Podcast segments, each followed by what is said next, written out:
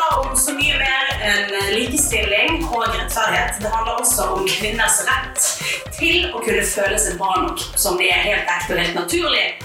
Det handler også om en kvinnes rett til å kunne åpne Instagram uten å bli bombardert med dårlige forbilder, falskt kroppsideal osv. som bryter ned selvtilliten. Noe som skjer på daglig basis.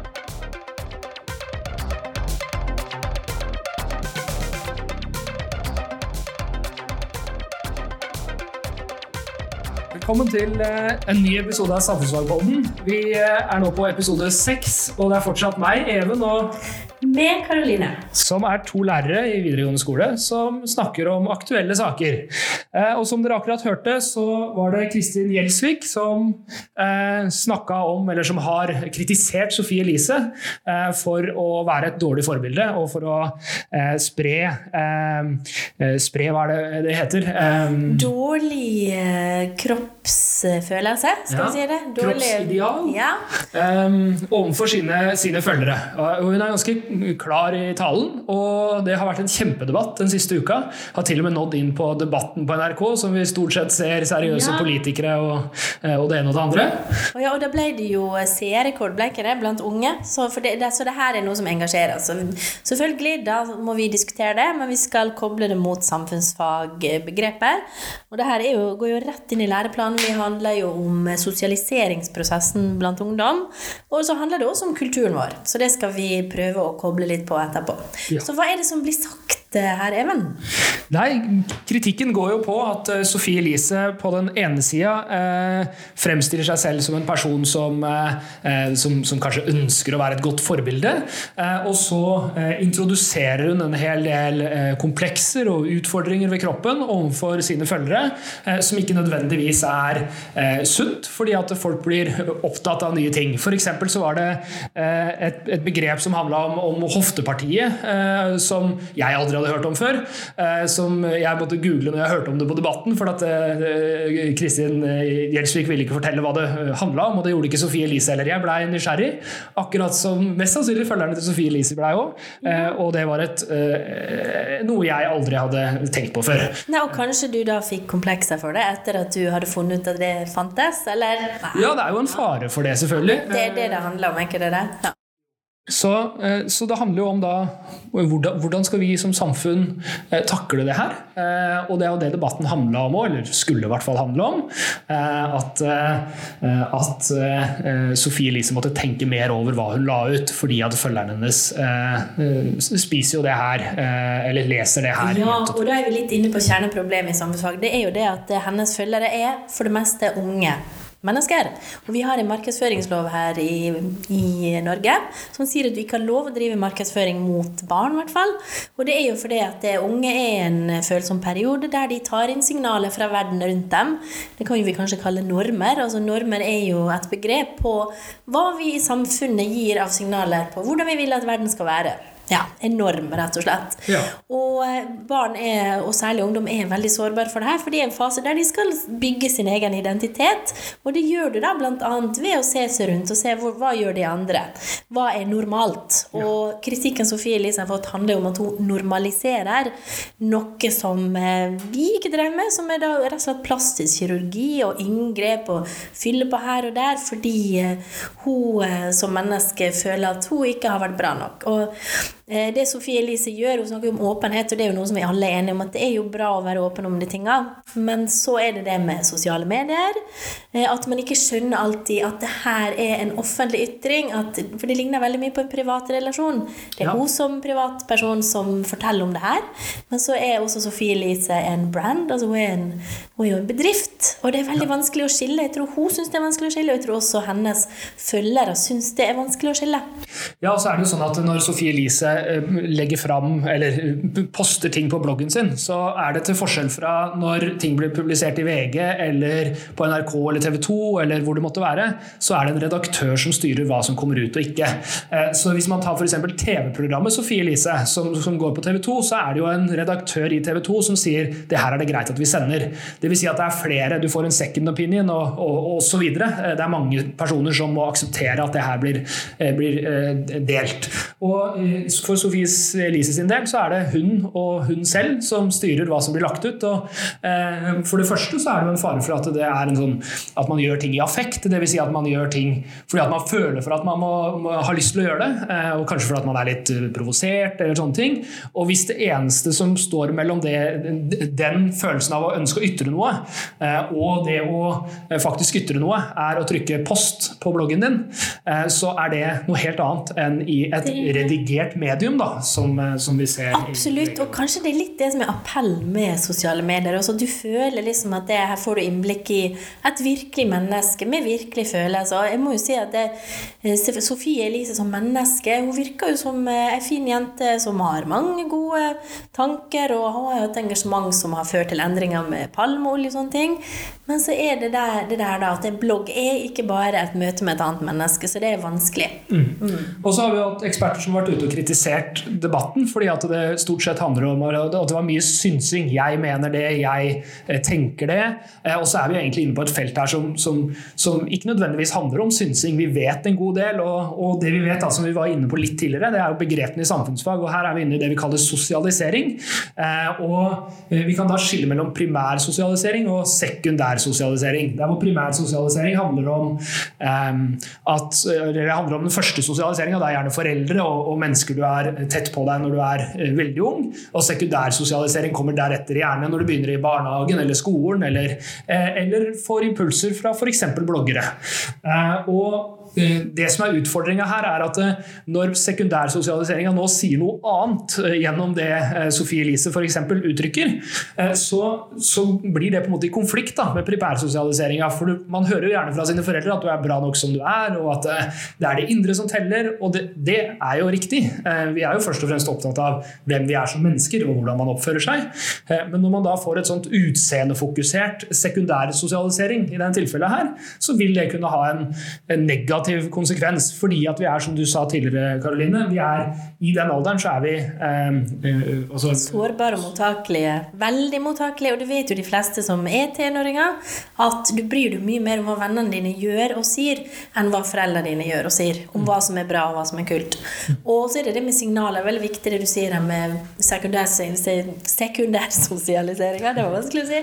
Eh, og det er jo det at det sånn som Sofie hun sender jo også ut miksa signal på den ene sida så sier du jo at det er det her, man blir ikke lykkelig av å gjøre inngrep. Men så bildene man legger ut, eh, gir jo et annet signal. De sier noe om hvor lista ligger på utseendet, mm. eh, hvordan man skal se ut. Det er veldig vanskelig å, å ikke ta inn over seg de signalene. Og da legger man, jeg syns man har lagt lista for hvordan en tenåring skal se ut, på et helt annet nivå enn når jeg var tenåring. Ja.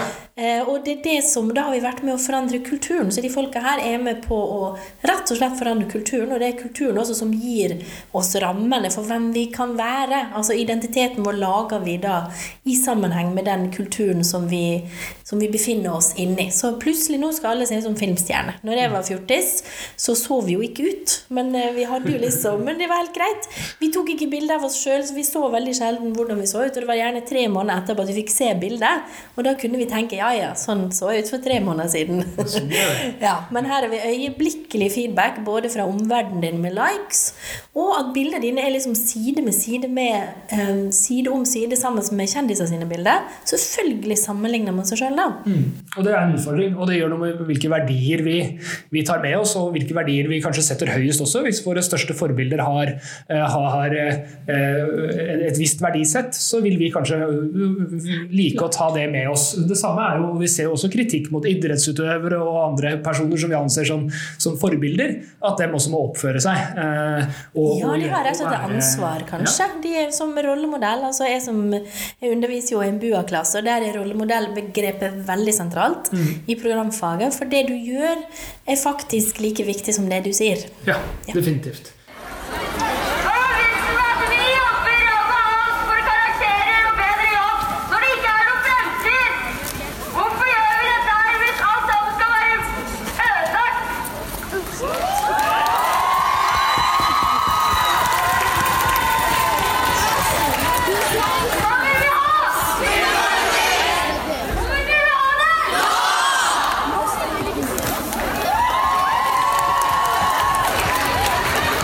Der hørte vi et klipp fra streiken, klimastreiken i Kongsberg, eh, fra utafor rådhuset. Um, og denne streiken har jo vært rundt omkring i hele Norge. I Oslo var det jo fullt i gatene med ungdom som, eh, som streika eh, for at de skulle eh, få de voksne til å lytte til dem og ta mer vare på jorda vår. Og I Samfunnsfagpodkasten så uh, har vi fokus på hvordan vi skal se på det her i forhold til samfunnsfaget. Uh, så vi kommer kanskje ikke til å snakke så mye om, om, saken, for jeg tror de fleste elevene har ganske god oversikt over hva klimastreiken handla om. Men vi kan ta et lite sitat fra Facebook-sida til, til skolestreiken i Kongsberg. Ja, Eh, og da sier de hva er vitsen med en utdanning når politikerne lar jorda gå til helvete? Og de voksne ødelegger fremtida vår, nå er det tid for protest, står det der. Og da føler jeg at vi er litt inne på sakens kjerne her. Altså Det er rett og slett snakk om at uh, her er det en hel generasjon som føler at uh, de ikke blir hørt. Og en grunn til det er jo rett og slett alderen. De kan ikke stemme, som er liksom den vanligste måten å påvirke politikk på i demokratiet vårt, er jo å stemme. Indirekte demokrati kaller vi det. Vi gir stemmen vår til noen som da skal ta vare på våre interesser. Mens de unge er jo da en hel generasjon som må leve med klimaendringene i framtida. Og de føler da at de ikke blir representert. Nei. Og derfor så velger de jo da kanskje å eh, gjøre andre, eh, andre ting. Eh, altså, her kaller de det en streik, eh, og det stammer jo fra Greta Thunberg i Sverige, som starta det hele. Og hun har jo streika for klima nå i, i, i ganske lang tid. Eh, og ehm, Det er jo nesten et år, tror hun ja. på siden i høst. Ja, ja hun har det. Så eh, er jo spørsmålet om det er en streik, da. Eh, for en streik det defineres jo som, eller kommer jo fra eh, arbeidslivet. Forholdet mellom eh, arbeidsgiver og arbeidstaker. Der hvor fagforeningene, hvis de er i, i, i konflikt med arbeidsgiveren, så kan de gå ut i streik for å i fellesskap vise at de nekter å forholde seg til at, at de ikke får de godene eller, eller den lønnsøkninga eller, eller, de arbeidsforholdene de, de krever. Ja, og det har vært viktig i utviklinga av det norske samfunnet. Arbeiderbevegelsen sto, de streika for å få fri, for å få altså De jobba jo sju dager i uka før, så bare det å få fri på søndag. Sykelønn kjempeviktig, altså permisjon, svangerskapspermisjon. Alle de rettighetene har man fått ved streik. ikke sant? Eller vært andre virkemidler også, men ved å stå sammen og organisere seg. Og ja, eh, ungdommene her de står jo sammen, og, men de er ikke organiserte. Nei. det er jo, de, De har jo gått ut i gatene, og, og det er jo gjennom et arrangement eh, med folk fra ulike organisasjoner. Noen er jo organisert. Ja. Og kanskje de som står i aller fremste rekke, har gjerne et eller annet engasjement som er er organisert. Men, men eh, det er ikke her en organisasjon som på en måte sier det her er eh, elevenes organisasjon. og Elevorganisasjonen er jo den, den organisasjonen, men det er jo ikke dem som har tatt initiativet til streiken. Eh, derfor så blir det kanskje ikke riktig å kalle det en streik, fordi at, fordi at man på en måte har ingen, ingen arbeidsgiver-arbeidstaker-forhold her. Og det er heller ikke på en måte skolen som, som, gjør noe galt. Eller det er ikke skolen man er uenig med, kanskje. Det er politikere. Hele voksensamfunnet, føler jeg. Altså. Det er de unge som streiker mot de voksne. Men det er jo selvfølgelig utdanning og skole er jo en en veldig viktig institusjon eh, som vi putter barn og ungdom i. Men ja, nei. Eh, og hvis det ikke er streik, hva er det da? Nei, Da har det vært en stor diskusjon om fraværsgrensa, spesielt i videregående. Eh, det, det er jo lettere for rektorene på, på barne- og ungdomsskoler å gi fri, for de har ingen fraværsgrense å, å, forholde seg til. Mens på videregående så har vi jo fraværsgrensa som gjør at det, at det, er litt strengere regime når det kommer til det her. Og, um, og da uh, har de som har videregående eleven som har valgt å gå og streike, de har jo gjort det og sånn sett brutt brutt eh, en, en, lov, kanskje ikke en lov, men brutt en regel i hvert fall, eh, i skolen. Eh, og sagt jeg tar på meg fravær for å markere at jeg er uenig i den politikken som føres. Og Da er vi kanskje over på et annet begrep i på en måte politisk aksjonisme, og det er jo sivil ulydighet. Kanskje vi kan kalle det det, kanskje vi kan kalle det en aksjon. Men i og med at man bryter fraværsgrensa og sånn sett bryter en regel på skolen, så, så er vi jo innenfor sivil ulydighet Ja, det, det, tenker jeg. Og hvis, når vi snakker om demokratiet altså Demokrati er jo folkestyre, at folkestyre. Og vi har demokrati i Norge. Vi har det vi kaller for indirekte demokrati. Som er at hvert andre år så går vi til valgurne så gir vi en stemme til de som vi vil skal styre landet for oss. Først lokalt, eh, vi har jo kommune- og fylkesvalg, og så nasjonalt, for vi har stortingsvalg. Men så er det jo det at vi har satt aldersgrense på den måten å påvirke på, og den er 18 år. Så veldig mange av barn og unge i dag føler jo at de ikke fått sagt eh, at de ikke får sagt noe om klimasaken. Og da har vi noe som heter direkte demokrati der du rett og slett direkte kan være med å påvirke. Og egentlig så handler jo det om folkeavstemninger og sånne ting, så vi har jo ikke hatt noen folkeavstemning om klima her. Men eh, så har vi også aksjonskanalen, da, der du kan gå ut i gaten og gjøre et eller annet. Ja. Eh, demonstrere, eh, ha en sitt ned-aksjon, en sultestreik, kanskje noen ting. Og så har vi da sivil ulydighet, som handler om at du faktisk bryter regler og lover. Eh, og det er jo også en del av demokratiet, er ikke det det? Jo. Ja. Det, er jo det. det er jo en måte å, å vise at jeg er uenig i, i det som skjer. Og uh, andre lignende, men noe mer alvorlige, er, er jo uh, altså der hvor man har lenka seg fast til, uh, til gruvemaskiner for å, for å, stoppe utslipp i, i, i Førdefjorden, f.eks. Ja.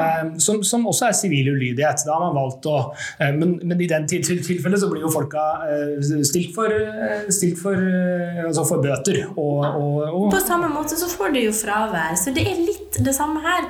Og det som jeg syns er likt med de som har lenka seg, f.eks. For, for å ja, Når det var snakk om utbygging av Alta-utdraget, altså ei elv som samene følte at det deres rettigheter ble tråkka på i demokratiet, selv om de hadde stemmerett. Så som minoritet så var jo samene alltid i mindretall i et demokrati og ikke kunne vinne. Så da følte de også at det, demokratiet fungerte ikke for dem.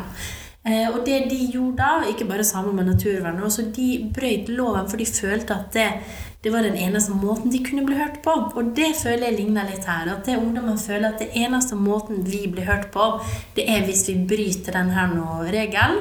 Dere vil vi skal gå på skole, det gjør ikke vi. Hva var det det sto? At det var en vits med utdanning. Eh, når politikerne lar jorda gå til helvete. Så det blir nesten et poeng i seg sjøl å bryte regelen for å vise at det her mener vi. Ja. ja. Og så, jo, så håper jo Politikerne er jo positive. Politikerne sier jo at det er kjempebra at ungdommen engasjerer seg, at barn engasjerer seg. Eh, og det er jo vi som, som lærere òg, selvfølgelig. Eh, og så er det jo samtidig viktig å huske på at, eh, at ungdommen nå tar det engasjementet videre. fordi at ungdom blir jo i ganske stor grad hørt hvis man, hvis man, går inn for det. Vi har ungdomspartier som, som, stiller opp på landsmøtene til de ulike partiene. Nå hadde vi akkurat Høyres landsmøte, der hvor, der hvor Unge Høyre hadde store gjennomslag. Eh, et av de gjennomslagene var jo på det vi prata om tidligere, eh, tidligere i, i podkasten, med, eh, med, forbud mot, mot, markedsføring eller reklame av, av, plastisk kirurgi. Det er jo et Unge Høyre og ungdommen i Høyre som har fått det gjennom. Tilsvarende er det jo nå, om ikke så lenge, så har jo Arbeiderpartiet sitt, sitt landsmøte. Der har du AUF som vil komme, komme til å påvirke politikken i Arbeiderpartiet stort. Og det har jo alle ungdom i Norge muligheten til å delta i. Ta, ta stilling til hvilke politikk man mener er riktig for seg selv og for landet og, og engasjere seg. På samme måte som man engasjerer seg i gatene, så kan man engasjere seg i et politisk parti. Ja, eller i en ungdomsorganisasjon av et annet slag. Absolutt. Og det kan være Fremtiden vår henne, natur og ungdom. altså Det finnes utrolig mange organisasjoner. Så det tenker jeg også, eller det er mange som tenker det yes, bra med engasjement. Så nå håper vi at det engasjementet har våkna, og at man tar det med seg videre, og ikke lar det bli med den streken. da. Eh, for vi ser jo, Nå ser jeg på Statistisk sentralbyrå sine sider for valgdeltakelse, så er jo unge en gruppe som ikke deltar så mye i valg heller. Eh, og det kan jo være, Når jeg spør mine egne elever, så sier de ofte at ja, men vi vet ikke vi vet ikke hva vi skal stemme på. Vi har ikke nok kunnskap. Men det jeg syns er fint med denne aksjonen, her, er at det, de har ikke stilt seg spørsmål vet vi nok. Her har man kjent at det, jo, vi vet nok til å vite at vi må protestere. Så det blir nesten litt sånn sjøltillit til å delta i demokratiet. Som er veldig positivt. Ja, og man skal huske på det at uh, ungdommen må ha selvtilliten til å gå og stemme. fordi at det, uh, Er det én ting jeg er 100% sikker på, og det er at det er ganske mange som går og stemmer som, som ikke nødvendigvis veit alt. eller det vil si, de veit ikke alt. Eh, veldig få av oss veit alt om hva de ulike partiene mener, og, eh, og kan hele, hele partiprogrammet på rams. Eh, og det er jo avanserte ting. Så, så man, må, man, må, stole på det, akkurat som man gjorde nå. Gå ut. Ok, vi, vi mener det her, og det her vil jeg stå for. Så, å bruke stemmeretten sin i lokalvalget nå, det er jo kjempeviktig. Ja, så tenker det mange som tenker at uh, du må vite noe om alt. Nei, hvis det er klima du er opptatt av, så går du inn og så leser du på programmet, og så ser du hva de forskjellige partiene mener om klima. Du trenger ikke å ha en mening om eldreomsorg, eller jo, selvfølgelig, men altså, du må ikke. Du kan finne det partiet som er enig i det i den saken du brenner mest for. Ja, du, men da kommer jeg til å tenke på noe. Even, du har jo deltatt eh, i, aktivt i demokratiet siden du var ganske ung. Hva var det som gjorde at du fikk den sjøltilliten? Har du noen gode tips før vi slutter? Jeg tror eh, det var at eh, For min del så kom jeg jo inn i voksenparti. Eh, så det var rett og slett at folk hadde troa på rundt meg. Altså at jeg ble møtt med en positivitet rundt at jeg som ung engasjerte meg. Og det tror jeg at ungdom skal vite. At hvis du engasjerer deg i et politisk parti eller en, en organisasjon, så er det veldig ofte sånn at de voksne der, dem, dem sitter på styremøtene sine og snakker om hvordan de skal få ungdom engasjert, og hvordan vi skal få ungdom med i, i organisasjonen organisasjonen sin. Eh, så når du dukker opp, så vil de mest sannsynlig ta imot deg med åpne armer og si hei, velkommen, vi har lyst til å høre hva du mener. Og det var min opplevelse. Og det gjorde jo også at jeg blei i, i organisasjonslivet og i et politisk parti, og, og, har opplevd utrolig mye spennende og fått muligheten til å påvirke utrolig mange, eh, mange avgjørelser, både i lokalmiljøet, men også på, på, på høyere eh, større plan. Så det, det er eh, egentlig ingenting å være redd for. Eh, og, og det er utrolig masse å lære, og det er utrolig masse å, å, å oppleve eh, gjennom, gjennom, de kanalene. Så jeg tenker vi kan liksom Altså det her med demokrati og deltakelse, vi er jo veldig opptatt av det i samfunnsfag, for det er et av hovedoppdragene vi har fått. Det, vi, vi, lærer dere om samfunnet fordi samfunnet vil at dere skal gå ut og delta. For vi får ikke et demokrati hvis ikke vi har stemmene og engasjementet til alle. Så eh, hvis vi skal oppsummere, kom dere ut i gatene eller inn i organisasjonene. Vær med, bli med i politiske parti. Det er kjempeviktig, og vi trenger engasjementet deres. Bidrag fra, fra, alle. Og en rask recap på de ulike begrepene vi har vært gjennom denne episoden. her, og Første delen så var vi gjennom sosialisering, med primær og sekundær sosialisering. Eh, og eh, der hvor vi spesielt snakka om at sekundær sosialisering, eller bloggerne, er en del av sekundær sosialiseringa, der hvor vi lærer normer og regler fra, eh, fra mennesker utafor vår nærmeste sfære. Snakka litt om roller og verdier. Eh, identitet. Og identitet, ja. Eh, viktige begreper eh, i samfunnsfag og, og, eh, og også i samfunnsdebatten. egentlig. Og nå i siste delen har vi snakka om streik og sivil ulydighet. Diskutert litt hvordan de, de, henger sammen. Demokrati er selvfølgelig et viktig grunnbegrep. Og da snakker vi om direkte og indirekte demokrati. Ja. ja. Eh, og til slutt så har vi snakka litt om organisasjoner, og da er det egentlig begrepet er organisasjonskanalen, kanskje. Der hvor eh, man går igjennom organisasjoner for å kunne påvirke. Fordi at eh, vi kan stemme hvert andre år eller hvert fjerde år på, på stortingsvalg og hvert fjerde på kommune- og fylkestingsvalg. Og så har vi muligheten til å påvirke derimellom. Men da er det organisert sånn i Norge at mye av den påvirkninga kommer gjennom organisasjonene. Og det er også grunnen til at vi bør organisere oss og, og delta i, i samfunnsdebatten. Helt klart. Ja. Så da har vi prøvd noe nytt også. Vi har lagd en Kahoot, faktisk. Ja. Som eh, tar, plukker opp de viktigste begrepene fra podkasten. Og det er selvfølgelig også begrep som er relevant i forhold til læreplanen. Så det legger vi med som lenke i podkasten. Ja, så håper vi dere bruker det.